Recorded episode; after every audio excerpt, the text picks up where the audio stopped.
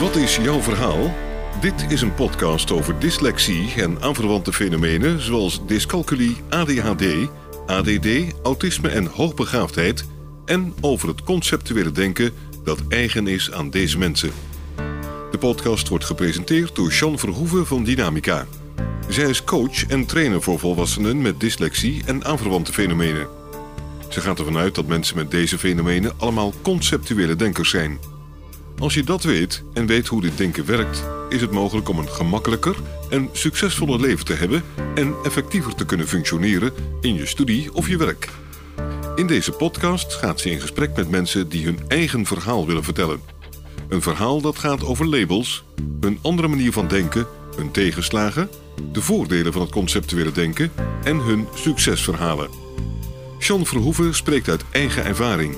Ze heeft zelf dyscalculie, dyslexie en ADHD. Nou, welkom Jolanda bij deze podcast. Nou, dankjewel, Sjaan, voor het uitnodigen. Zou je je even kort willen voorstellen? Nou, mijn naam is Jolanda. Uh, ik ben 33 jaar oud. Uh, ik ben single. en uh, ik woon in Amsterdam. Kan je kort vertellen wat voor werk je op dit moment doet? Nou, ik werk op dit moment in de culturele sector. En dat vind ik heel erg leuk. Uh, ik ben, kom heel veel in aanmerking dus met mensen werken. En ik ben ook een mensenmens, dus vind dat heel erg leuk om met de mensen contact te staan. Kan je wat vertellen over je school, schoolloopbaan en ook hè, hoe die ontdekking van de dyslexie ging? Nou, um, dan zou ik dan weer terug moeten gaan naar de basisschool. Dat is niet altijd de makkelijkste tijd voor mij natuurlijk. Je bent jong, je bent nog in de ontdekkingsfase van jezelf, wie je bent. En ja, je docent, je leraar is de persoon die je natuurlijk daarin begeleidt. Om ja, meer kennis over jezelf te hebben en de vaardigheden te geven die je nodig hebt in de wereld. Tijdens die periode ontdekte ik dat mijn juffrouw niet zo aardig was, want die noemde mij dom. En dat heeft mij als kind best wel geraakt en in mijn zelfvertrouwen. Met lezen was ik niet altijd de beste. Hoewel ik wel mijn beste beentje voor wou zetten, maar niet bewust was wat er aan de hand was met mijzelf. Merkte ik wel dat de kinderen in de klas mij aan het uitlachen waren. En dat liet dus ook zijn littekens achter. En ja, lezen werd voor mij geen plezier, maar een schaamte. En dat droeg ik wel met mij mee. Dus daarvoor wou ik mijn stem, wat ik nu wel bijzonder vind dat ik nu met jou praat, niet echt laten horen altijd. Daar ben ik me wel bewust van geweest en dat heb ik dus meegenomen, die bagage. Ik heb mijn best gedaan, in mijn gevoel als kind, want er was niemand op dat gebied uh, qua school om mij te beschermen daarin, om mij veilig te stellen van nou, dat komt goed. Ik kreeg heel veel remedial teaching op school. En dat was hun manier van, wij helpen je wel. Maar dat vond ik meer een achterstand voor mij. Want ik dacht van, hè? Ik krijg nou hele andere lesstof dan de kinderen in de klas. Dus dat liet mij ook als iemand voelen die anders was. En dat was weer een labeltje die ik bij mezelf ja, plaatste ja. natuurlijk. Je bent van de andere kant, hè, want je zegt hè, mijn stem laten horen, maar met remedial teaching krijg je wel de aandacht. Je krijgt de aandacht, maar tegelijkertijd je voelt je uh, apart gezet. Dus dat, daar ben je ook bewust van. Van er is iets anders aan mij. En dat werkt ook aan je zelfbeeld van als dat nou positief werd gezegd, nou jij bent slim, maar wij gaan je nog helpen om nog slimmer te worden. Dat komt anders. Maar ik denk dat het bij mij meer was gezegd dat er een achterstand was en dat we dat moesten opkrikken. En dat dat de manier was, dat dat de juiste tool was, remedial teaching. En ik had het gevoel dat ik meer aandacht nodig had, wat remedial teaching wel geeft. Maar de de lesstof die ze gebruikte paste niet bij mij. Waardoor ik weer een achterstand kreeg in de klas. Omdat de klas weer verder liep en ik moest weer stappen naar achter gebracht worden om dat te leren. Terwijl de aandacht was goed, maar de aandacht was niet op de juiste focus. Ja. Na de basisschool werd het moeilijk, want toen werd je heel bewust gemaakt: nu moet je een keuze maken, nu moet je een keuze maken. en die keuze werd moeilijk voor mij, omdat de dingen die ik graag wou, taal, ja, taalkundig moest je sterk zijn. Ja. En ja, als kind, ja, we hebben allemaal dromen. Dan droom je wel om dokter te worden, advocaat. De, de mooiste eerste baantjes die je op het hoogste lat zit, kijk je natuurlijk naar. En ik dacht van, oh, hoe ga ik dat voor elkaar krijgen? En ik dacht van, ja, dat gaat mij dus niet lukken. Want er werd ook vaak in de klas gezegd, ja, je hebt niet de juiste focus. Ik dacht, niet de juiste focus, let altijd op in de klas. Maar dat had ik volgens hun ook niet. En als je bepaalde beroepen moest doen, werd er altijd nadruk gelegd. Je moet de juiste focus ervoor hebben. Nou was ik geen moeilijke leerling in de klas qua gedrag of zo. Absoluut niet. Maar ik had gewoon niet taalkundig was ik gewoon niet de sterkste in de klas. En dat was wel de waarheid. En dat werd gekoppeld aan die focus? Of? Ja, dat werd gekoppeld aan focus. Dat werd gekoppeld aan mijn CITO-toets. Ja. En kan je nog wat meer uitleggen over die focus? Wat, wat, wat was dat dan? Volgens hun was het dat je dan snel afgeleid was. Ja, ja. En ik was niet een kind die druk was in de klas. Nog dat ik stout was of zo. En onder stout verstaan dat je echt ondeugende dingetjes doet. En dat je de klas uit werd gestuurd. Dat was ik totaal niet. Misschien omdat ik niet begreep wat ik aan het doen was. Of niet de taalkundig gestimuleerd op de juiste manier. Dat ik dan niet de aandacht had. En dat misschien, dat weet ik zelf niet meer, maar was heel jong. Dat ik misschien uit de raam zat te kijken. Het zijn gewoon maar dingetjes die ik nu invul, want dat weet ik gewoon niet. Maar dat was volgens hun ook een stukje focus. Dus ja. En op welke middelbare school ben je uiteindelijk, uh, waar heb je voor gekozen? Nou, ik ben uh, uiteindelijk heb ik gekozen om uh, de pedagogische richting op te gaan. En dat vond ik leuk, want ik hou ervan om mensen te helpen. Dus toen ben ik ja, pedagoog geworden. Ja. En daarna? Oeh, daarna heb ik niet gedaan wat ik dacht dat ik zou doen. Omdat ik toch wel op mijn werk ook tegen het feit aanliep dat je veel moest rapporteren. En ja, ga na. Uh, ik ben 33, dus die tijd waren de, zeg maar, de techniek was niet zo ver als het nu is. Dus de jongeren van nu in mijn ogen uh, profiteren nu meer van de technologie dat ik niet had die tijd. Ja, ja. Dus rapporteren, ook al hadden we een computer die tijd, ging niet zo makkelijk. Want je zag toch wel schrijffouten, maar je zag niet als je zinopbouw uh, echt altijd goed ook direct was. Dus ja, ik wou niet betrapt worden. Dus ik dacht van, nee, dat wordt het dus niet. Dus we moeten de andere kant op. En toen ben ik heel veel verschillende baantjes gaan doen. Uh, ook voornamelijk via uitzendbureaus. Omdat je dan toch wel een beetje van alles kan proeven. En uiteindelijk ben ik toen in de kinderopvang gegaan. Dat was wat makkelijker. Ik moet wel zeggen, ik ben een persoon, als ik ergens werk, geef ik me 100%. Ja, dus je zou ja. denken dat het mijn passie is, maar het is niet mijn passie. Maar ja. het was geen uitdaging voor mij. Nee. En dat heb ik dus wel echt nodig. Moet wel ergens, als ik mijn groei wil zien, want ergens werken en je groei zien, dat is toch wel voor mij heel belangrijk samen. Je kan ergens werken, maar dan kan je stagneren. Dus gewoon op hetzelfde niveau blijven. En ik vind het toch wel fijn om te groeien, te ontwikkelen. En dat kon ik daar ook dus niet. Want ja, een leidster zijn, je kan bijvoorbeeld wel naar manager gaan, maar dan houdt het op een gegeven moment dan ook weer op in de kinderopvang. De uitdaging zat daar niet. Dus dat weet ik wel dat het voor mij makkelijker was. Dus ik heb wel echt een uitdaging nodig om te zien dat ik aan het groeien ben, aan het ontwikkelen ben. Ja. Dat ik de juiste prikkels heb voor mezelf. Ja. Dus je zegt eigenlijk, van één kant zeg je het werd makkelijker. Ja. Omdat je minder hoefde te rapporteren. Maar van de andere kant werd het moeilijker omdat je minder uitgedaagd werd. Ja, klopt. Ja. En dat merk ik dat door de loop van mijn uh, loopbanen, dat dat altijd wel zo is geweest. Dat ik wel ergens werkte, maar niet de juiste uitdaging had. Waardoor de, de energie wel op een gegeven moment ook ja. afneemt. Want ja. dan val je een beetje in je automatische piloot. Ga je dingen, oké, okay, ik moet nu dit doen, dit doen. Ja. En ik hou er toch wel van om de passie te voelen in je werk. En dat heb ik tot nu toe nog niet echt gehad.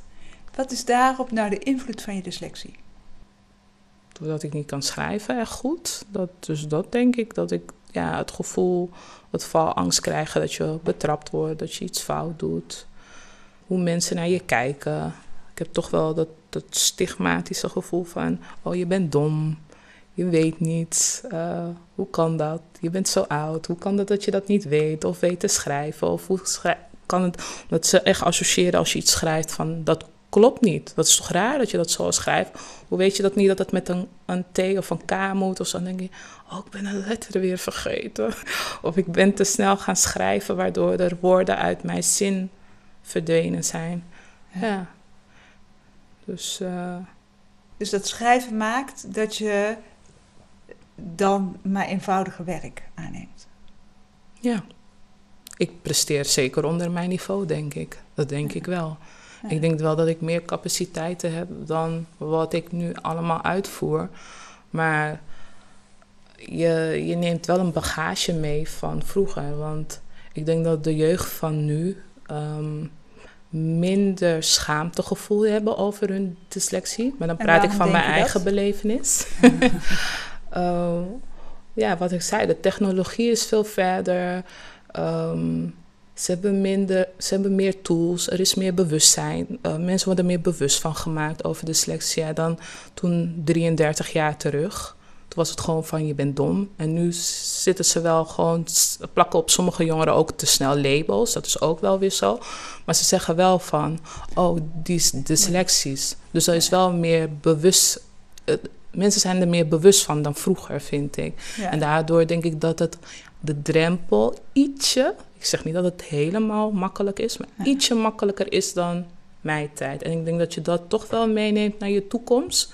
Dat je nog steeds het idee hebt, ik kan dat niet openlijk zeggen, want mijn generatie denkt daar heel anders over dan hun generatie. Ja, ja het is wel leuk. Het is wel leuk wat je zegt, want ik krijg natuurlijk alle leeftijden eh, hier, hier binnen. En uh, de vijftigers die zeggen dat weer over veertigers. En oh. veertigers over dertigers. en dertigers over twintigers. Ja. En ondertussen krijg ik uh, ook allemaal heel kleine, uh, regelmatig wat kinderen binnen. Die net zo hopeloos zijn als wij waren toen we jong waren. Oké. En ja, er is natuurlijk veel meer aandacht voor dyslexie. En, um, maar nog niet genoeg, maar wel. Het is wel beter geworden. ja. En helaas, moet ik toch weer zeggen, is het toetsen en het afrekenen op het, je, dat je taalniveau bepaalt naar welke school je gaat en niet je intellectueel niveau dat te laten bepalen waar je, naar welk onderwijs je gaat. Sinds wanneer weet je dat je dyslexie bent en daardoor de stempel als dom hebt gekregen? Het begon eigenlijk met een vriendin die dat tegen mij zei omdat zij zag dat ik zo graag wilde vooruitkomen. En dat ik uh, zeg maar op de middelbare school best wel uh, moeite had daarmee. Om vooruit te komen, omdat ja, mijn taalkunde. Maar ik dacht van, nou, hoe ga ik dit oplossen? En toen vroeg ik haar dus om hulp. Van, kan jij mij helpen en kijken als ik het allemaal goed heb geschreven? Toen dacht ik van, ja, ik wil toch wel verder. En ik wil dat mijn niveau hoger gaat. En toen vroeg ik haar en toen zei ze... Ben jij niet misschien dyslexisch? En ik heb het gevoel dat, net als dat ooit wel door mijn hoofd is heen gegaan, maar dat ik nooit echt research heb gedaan. Wat is dyslexia eigenlijk? En toen dacht ik van, ik nam het best wel zwaar op, maar ik dacht van, zij heeft gelijk. Zeg, nou, dat kan je niet zeggen, ga maar eens onderzoeken. En toen ging ik naar bepaalde dingen kijken. Nee, ik ben dyslexie. Ik kon dat beestje nu een naam geven. En dat vond ik ook heel moeilijk, maar ik was ook tegelijkertijd opgelucht. Dus je zat echt zo een dubbele emotie van... Oh, eindelijk weet ik wat er met me aan de hand is. Maar oh nee, nu kan er, is er geen oplossing. Ik dacht aan domheid, daar kan je misschien nog ooit wat aan doen. Of misschien, maar dyslexia, dat was wel echt... Ja, hiermee moet je leren leven, mee om leren gaan, dacht ik. En dat was wel confronterend. Dus nu had ik geen excuus meer. Nu was het van, dit is het. Wat nu? En bij dom zijn had ik nog zoiets, ja, ik ben gewoon dom. Ik mocht daar ook de slachtoffer, denk ik, spelen. Van, ja, je bent dom, hè. Ja, daar kan je niks aan doen, hè. Wel weer beter studeren, dan kom je er wel, maar ja, daar kan je niks aan doen. Harder werken. Misschien waren dat de praatjes die ik mezelf aanpraten, maar je hebt het net over, uh, over groei. Wat is het uh, belangrijkste geweest de afgelopen, nou eigenlijk in je leven om te kunnen groeien? Zelfvertrouwen. Echt mijn zelfvertrouwen weer vinden. zeggen dat het wel oké is om dyslexisch te zijn. Om te zeggen, ik ben niet er alleen. Er zijn meerdere. Het zijn een echte hoop die het hartstikke goed hebben gedaan. En daar mag ik naar opkijken en daar mag ik bij aansluiten en zeggen: die zijn ook dyslexisch, dus daar mag ik trots op zijn. En die doen het hartstikke goed in de maatschappij en die hebben ja, echt bijzondere dingen in de wereld gedaan. Dat je u tegen kan zeggen, je petje vooraf kan halen. Dus dan denk je van: ik mag mezelf eigenlijk niet limiteren, wat ik wel doe. Maar dat is mijn zelfbeeld die ik aan het veranderen ben en de groei die ik aan het zoeken ben en aan het doorgaan ben. Maar ja, daar mag je gewoon trots op zijn. Dus ik, ik, probeer het ook, de lading van het woord, een andere waarde te geven. Ik denk dat dat ook belangrijk is. Ik denk dat je anders ernaar moet gaan kijken, denk ik ook. Kan je er zelf nu anders naar kijken? Ik kijk er beter naar. Beter. Maar het is nog niet zo veranderd als hoe ik. Uh, ik ben geen. Uh, hoe heet die man? Sir Richard Branson nog. Uh, en ja, je hebt zoveel van, van de mensen die dyslexisch zijn. Ik wilde de overstap maken naar conceptueel denken. Wat heeft dat voor jou betekend? De, het weten dat je een conceptuele denker bent. Heeft u dat iets gebracht? Erkenning, ja, bevrijding. Je, je, je bent bewust van, oh, zo denk ik. Weet je? En dat is niet raar dat ik zo denk. En je, leert uh, jezelf dan beter begrijpen. Of begrijpen dan hoe je denkwijze is. En dat is wel fijn. Dat ik niet altijd in een, een taalmanier hoef te denken. kan je uitleggen hoe jouw denken gaat aan de hand van een voorbeeld? Soms denk ik dat ik vierdimensionaal uh, denk. Dat denk ik soms. Want ik zie dingen van alle soort kanten. Voordat ik uh, één beeld, helder beeld heb. Dus mijn gedachte gaat echt overal. En dan moet ik het echt weer tot rust brengen. Van oké. Maar het is wel ook ergens fijn. Want het geeft me zoveel inzichten en zoveel belevenissen. En uh, bijvoorbeeld ook met mensen meer begrip. Omdat ik, ik kan echt van alle kanten denken. Alle voor naar achter, zijwaarts, links. Uh, mijn gedachten gaan echt overal. Voordat ik echt dat ene beeld heb waar ik... Dus ik denk best wel heel veel over iets na... voordat ik echt antwoord geef op iets bijvoorbeeld ook. Maar dat gaat wel heel snel hoor. Je hoeft niet te denken dat dat uren duurt bij me. Maar dat gaat heel snel. Dat, dat, dat, ja, moet je dyslex voor zijn om het te beleven, denk ik. Ja. Dus staat ook voor groepen. Mhm. Als, en dan, hè, uh, wat je me verteld hebt, is dat je dingen dan uit moet leggen. Helpt het conceptuele denken je bij dat uitleggen? Of zit dat in de weg? Soms wel, soms niet. Ik denk dat als ik tegen iemand praat die echt kennis heeft over zijn vakgebied, dat ik dan soms hun mooie inzichten kan geven. Dat ik denk van, ja, zie je, je dacht dat jij slimmer dan me was, maar kijk maar. Maar tegelijkertijd, eh, soms zijn ze ook heel sterk in hun vakgebied. En dan moet je wel ook weer terug, stapjes terug. Oh, nou, nu weet ik het niet meer goed uit te leggen. En dat, dan merk je wel, I have found my opponent. So, I have... Found my uh, ik heb mijn tegenstander gevonden. Dus nu moet ik wel eventjes uh, goed luisteren. En soms um, ontmoet je mensen die gewoon geen kaas van iets hebben gegeten. Of dat ze zoiets hebben van. Ik begrijp het, maar ik begrijp het niet. En dan is het zo fijn om mezelf te zijn, want dan kan ik gewoon door mijn hoofd heen gaan en denken van hoe kan ik dit hun eigenlijk gaan uitleggen dat ze het snappen. En dan gaat mijn hoofd allemaal theorieën en oplossingen verzinnen. En opeens weet ik, en dan denk ik van ja, zo ga ik het uitleggen. En dan denken ze, oh dankjewel, ik begrijp het, oh wat leuk. En dat, vind, dat, dat is echt een beloning. Ja, en dat, dat komt toch wel door mij denken. Dus dan mag ik ook soms eigenlijk dankjewel zeggen tegen mezelf van nou, fijn dat je zo kan denken. Maar dat is wel heel moeilijk om dat soms tegen jezelf te zeggen. Omdat ja, de meerderheid is dus niet dyslexisch. Dus dan heb je weer die lage zelfbeeld. Wat is voor jou het, het meest vreselijke aan je dyslexie geweest? Voor mij nog steeds het schrijven en het lezen natuurlijk. Het plezier in, in het lezen moet ik echt weer terugvinden. Dat leer ik dus ook met mijn zelfvertrouwen. En uh, zeggen, nou, het is wel leuk. Ik wil nu lezen, dus ik ga nu lezen. dat, dat is zeg maar iets wat ik denk van jeetje, ik wens dat ik alle boeken in de wereld kon lezen, zoveel als ik wou, maar dat vraagt soms veel energie van mij. En dat vind ik wel soms heel jammer. En het schrijven, ik, ik, ik vind het wel heel jammer soms dat ik niet mensen gewoon een brief kan schrijven. En gewoon zeggen, hier, dit heb ik speciaal voor jou geschreven. Of dat ik uh, kan zeggen van, uh, nou, dit heb ik zin om te schrijven zonder me onzeker te voelen. En zeggen van, is het wel goed? En die spanning en die stress en dat gevoel. En ja, ik moet ook leren los te laten. Misschien, ja, wat als iemand mij betrapt of dyslexisch ben. Maar dat is gewoon iets wat ik nog in mijn bagage heb. Dus dat ontrafelt zich allemaal waarschijnlijk wel langzaam. Doordat ik mijn koffer leegpak. En zeg van, nou, dit heb ik niet meer nodig, dat heb ik niet meer nodig. En nu sta ik stevig in mijn schoenen, dus dat kan ik wel weer aan. Maar voor nu, dat zijn wel echt twee dingen die ik wel echt jammer vind. Dus het conceptuele denken vind ik schitterend eraan. Uh, de mensen waar ik naar op mag kijken en zeggen van hun zijn dyslexisch en hun doen het ook maar. Um, ja, dat zijn allemaal gewoon mooie dingen die ik wel erin zie, maar ja, dat, dat lezen en dat schrijven, dat, dat, uh, dat raakt je soms wel. Waar sta je nu met de dyslexie en met je carrière? Beter dan vroeger. Ik ben sterker geworden. Ik durf nu uh, afgelopen jaren eerlijker tegen mensen te zijn die ik me prettig bij voel.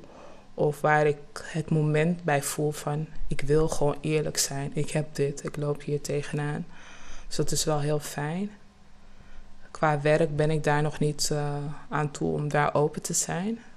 Dus dat vind ik nog steeds een moeilijke situatie om aan te kaarten. Ja, dat ik dyslexisch ben, dat um, zie ik mezelf nog niet gauw doen, denk ik. Nee, op maar, het werk weet ze het niet. Nee, maar ik ben, wel, ik ben wel blij dat ik tegen bepaalde mensen open kan zijn. Van, ik ben dyslexisch, want dat lucht wel op, weet je. Dan denk ik van, ja, laat maar gaan.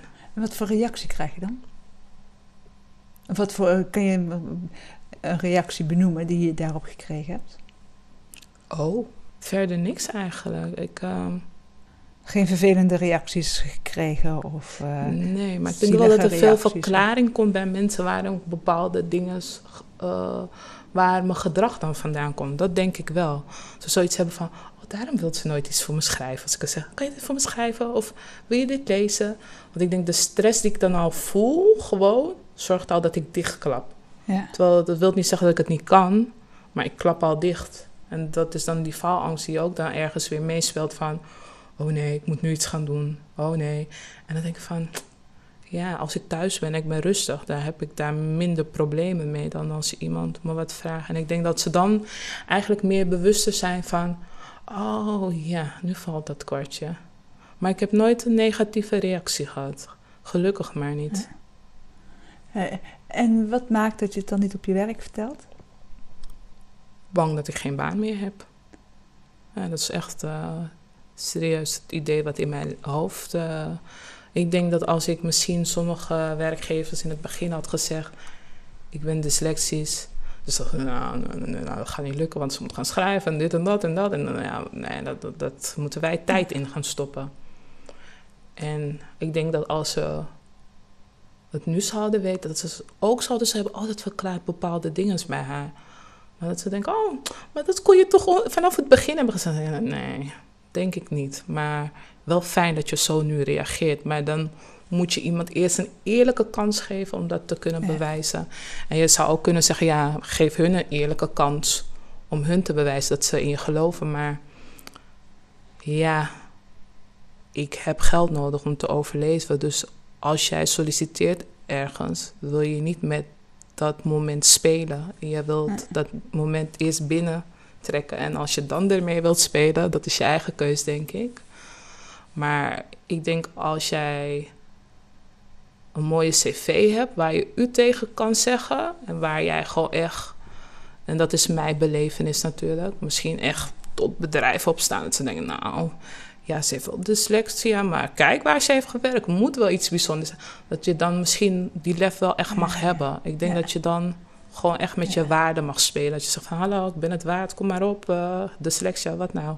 Ik heb hier gewerkt en hier, als je me niet wilt, ben jij, uh, heb jij uh, verlies, niet ik. Ja. Maar ik denk als je die cv misschien niet hebt, dan denk ik dat dat moeilijk is als het een werkgever is waar je toch wel moet gaan schrijven en bepaalde eisen zijn. Ja. Niet omdat je het niet kan hoor, maar want ik geloof dat iedereen, iedereen die dyslexia heeft, dan dit echt, ze kunnen alles wat ze willen. Geloof me, je kan alles wat je wilt, maar je leeft gewoon met mensen die, ja. Je hebt vertrouwen nodig van je omgeving. Ja, vertrouwen van je omgeving nodig, ja. ja. En als je nu naar je huidige werk uh, kijkt, hoe doe je dat met het schrijven? Omzeilen. En hoe doe je dat? Um, nou, hoe doe je dat uh, nou makkelijk? Doe jij het maar. Uh, yes, dat zeg ik dan meestal van, nou doe jij het maar. Je hebt een mooie handschrift, dus schrijf jij maar. Ik heb niet zo'n mooie handschrift. Of uh, ik ben er onzeker uh, van, dus dat, uh, laten we dat maar niet doen. En als je dat zegt, vragen ze dan niet hoezo ben je onzeker? Je kan toch alles? Want je straalt uit alsof je alles kan, vind ik zelf dan. Ja, maar mijn overtuigingskracht is ook go uh, goed inzetbaar. Dus dat ja. geloven ze wel. Omdat ik juist alles kan. En ben ik ook een goede persoon om je te overtuigen dat jij het gaat ja, doen. Dus, dus, ze pikken het van je. Ja. Dat je zegt... Uh, zeker. Ja, ik ben er niet zo zeker van, schrijf jij het maar. En wat ik ook één keer heb gehad, toen was dat me natuurlijk niet gelukt. Toen baalde ik als een sterker. Ik dacht, oh nee. En toen uh, ging ik het heel klein schrijven.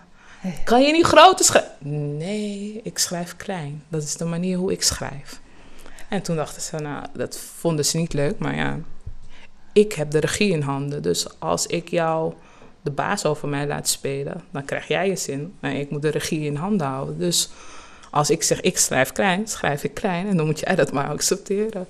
En dan worden de rollen omgedraaid, want een mens wordt heel, als ze iets niet leuk vinden, kunnen ze snel zoiets hebben. Nou ja, nu ben ik het zat, ik ga het wel zelf doen. Nou ja, draai, draai je de rollen om en dan heb ik toch wel mijn zin eigenlijk uh, gekregen. Ja. ja. Dus daar kan je je creativiteit in kwijt. Ja, maar het kost, het kost wel wat hoor. Dus uh, ja, energie. En uh, dat je denkt van, oh jeetje, moet die persoon gaan overhalen om te doen wat ik nu wil. En terwijl je gewoon het liefst iemand zou willen hebben die gewoon flexibel is en die zegt van, nou weet je wat, ik doe het wel voor je. Maar ja, het gebeurt niet altijd. Je bent 33. En hoeveel banen heb je gehad? Tien? Nee, veel meer dan dat. Maar dat komt ook omdat ik via de uitzendbureau heb gewerkt. Hè? Onthoud, dat zei ik in het begin. Dat, uh, ik heb vroeger bij de uitzendbureau gewerkt en daardoor ben ik echt verschillende maandjes gaan doen. Daardoor, als je iedereen weet wel als je via een uitzendbureau werkt, ja. dat je. Ja. Het is tijdelijk. Het is niet uh, langdurig. Dus dan zit je misschien een maand, een half jaar. Ja. En dan, ja. Wat is je langste baan geweest? Ja, de kinderopvang denk ik toch wel vijf jaar. Ja. ja. En waarom ben je daar weggegaan? Dat de uitdaging. Ik was Ja. het echt... eh, Oh ja. ik voelde me... Ja, ik werd gewoon leeg van binnen. Het, werd, het was geen uitdaging. Ik had zoiets van... Ja, kinderen zijn echt leuk en lief... maar ja, ik zie mezelf dit niet mijn hele leven doen. En ja, qua communicatie stagneer je ook weer... want ja, kinderen praten toch weer op een heel andere manier dan een volwassene. Het lekkere gesprek die ik met jou voer nu, dat kan ik niet met een kind de hele tijd lopen. Die wil spelen en dat vind ik ook wel leuk. Maar ja, soms heb je ook zin in een goede gesprek. Ja. En je staat toch wel meestal met z'n tweetjes op de vloer. Dus ja, op een gegeven moment eh, heb je ook alles met je collega besproken. En dan denk je van ja, Ja. een ander gesprekspartner zou ook wel leuk zijn. Dus ja. Wat is je wens voor in de toekomst? Qua loopbaan hoop ik dat ik een baan vind die echt bij mij past. Ehm, een baan die genoeg uitdaging heeft, afwisseling heeft en waar ik doorgroeimogelijkheden kan zien. Eh, een baan waar ik met mensen werk. En ik vind het heel moeilijk om dat een naam te geven of een jasje te geven van nou, dit gaat het worden. Want dat weet ik zelf niet. Vroeger vond ik het wel echt leuk om eh, ja, met psychologie bezig te zijn. Dus misschien dat het die kant zal zijn. Dus ja, ik vind dat nog wel een beetje moeilijk. Omdat ja, in mijn achterhoofd speelt altijd dat taal mee. Dus Ja, en als je die taal los kan laten. ja, dan zou ik eh, psycholoog zijn, denk ik. Of advocaat zelf. Ja, dat is een uitdaging. Dat vind ik wel leuk. Mensen hun gedachten, manier van denken. Ehm, ja, dat vind ik gewoon heel leuk. Ik vind het spannend. Het is interessant. Het is afwisselend, want je hebt nooit dezelfde persoon voor je. Ehm, je helpt iemand en dat vind ik heel fijn. Dus er zit een heel groot eh, verschil in hè? Wie je zou, wat je zou willen doen en wat je nu kan vanwege je dyslexie en je achtergrond. Hoe Ja. dat, eh, hoe, dat gegaan is vroeger. Klopt. Ja, soms eh, moet je ook leren niet te geloven wat andere mensen over je zeggen. En ook niet geloven altijd het negatieve wat je over jezelf zegt. Want Ja. ik geloof hartstikke goed dat ik het kan. En ik denk dat ik echt een goede psycholoog zelf zou zijn. Ja. Maar die drempel waarschijnlijk. eh, om er overheen te stappen en zeggen van ja. Het grappigste is, ik keek wel laatst. eh, of ik keek naar een eh, filmpje. En het filmpje ging over een vrouw die een psycholoog was en die dyslexie had. Dus dat was wel heel mooi om te zien. Dat ik dacht van, ze zeggen, ik heb er wel heel lang over gedaan, maar ik ben er wel gekomen.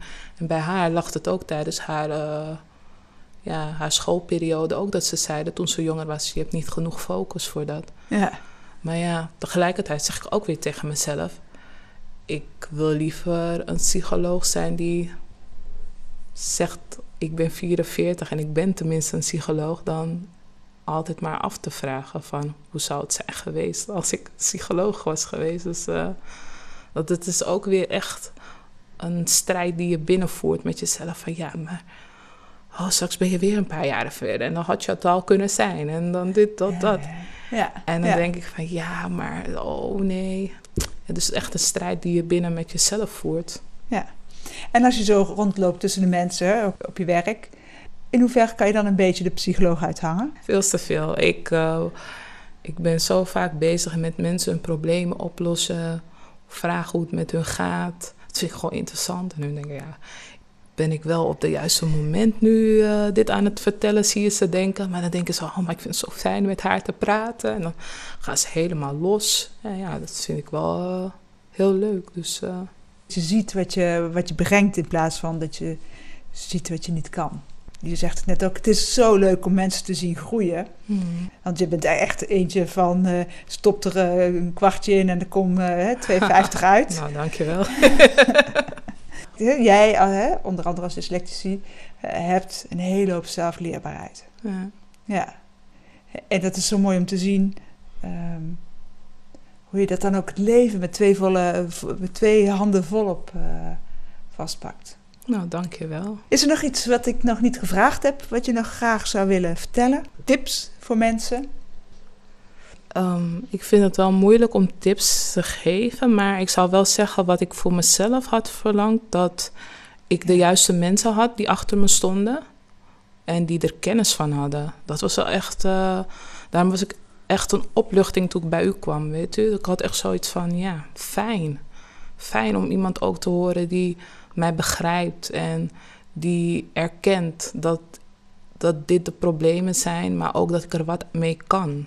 En dat Ja. er groei eh, in het verschiet ligt. Dankjewel. Graag gedaan. Wil je reageren op deze podcast of heb je vragen? Stuur dan een mail naar podcast.dynamica.nl. De reacties zullen worden meegenomen in volgende podcasts. John Verhoeven geeft coaching, workshops en trainingen. Wil je meer informatie? Kijk dan op www.werkendyslexie.nl of www.geniaaloprechts.nl of bel 020 639 1099 020 639 1099. John Verhoeven heeft twee boeken geschreven over dyslexie: Slimmer dan je baas en Dyslexie, Stoornis of Intelligentie. Deze boeken zijn te koop in elke boekhandel. Stuur de podcast door naar iedereen waarvan je vindt dat ze meer zouden moeten weten over dyslexie, ADHD, ADD, dyscalculie, autisme en hoogbegaafdheid en het conceptuele denken. Deze podcast is gemaakt in samenwerking met Marcel de Hoog van Storytelling Media Hij verzorgt de technische, redactionele en morele ondersteuning. Tot de volgende aflevering.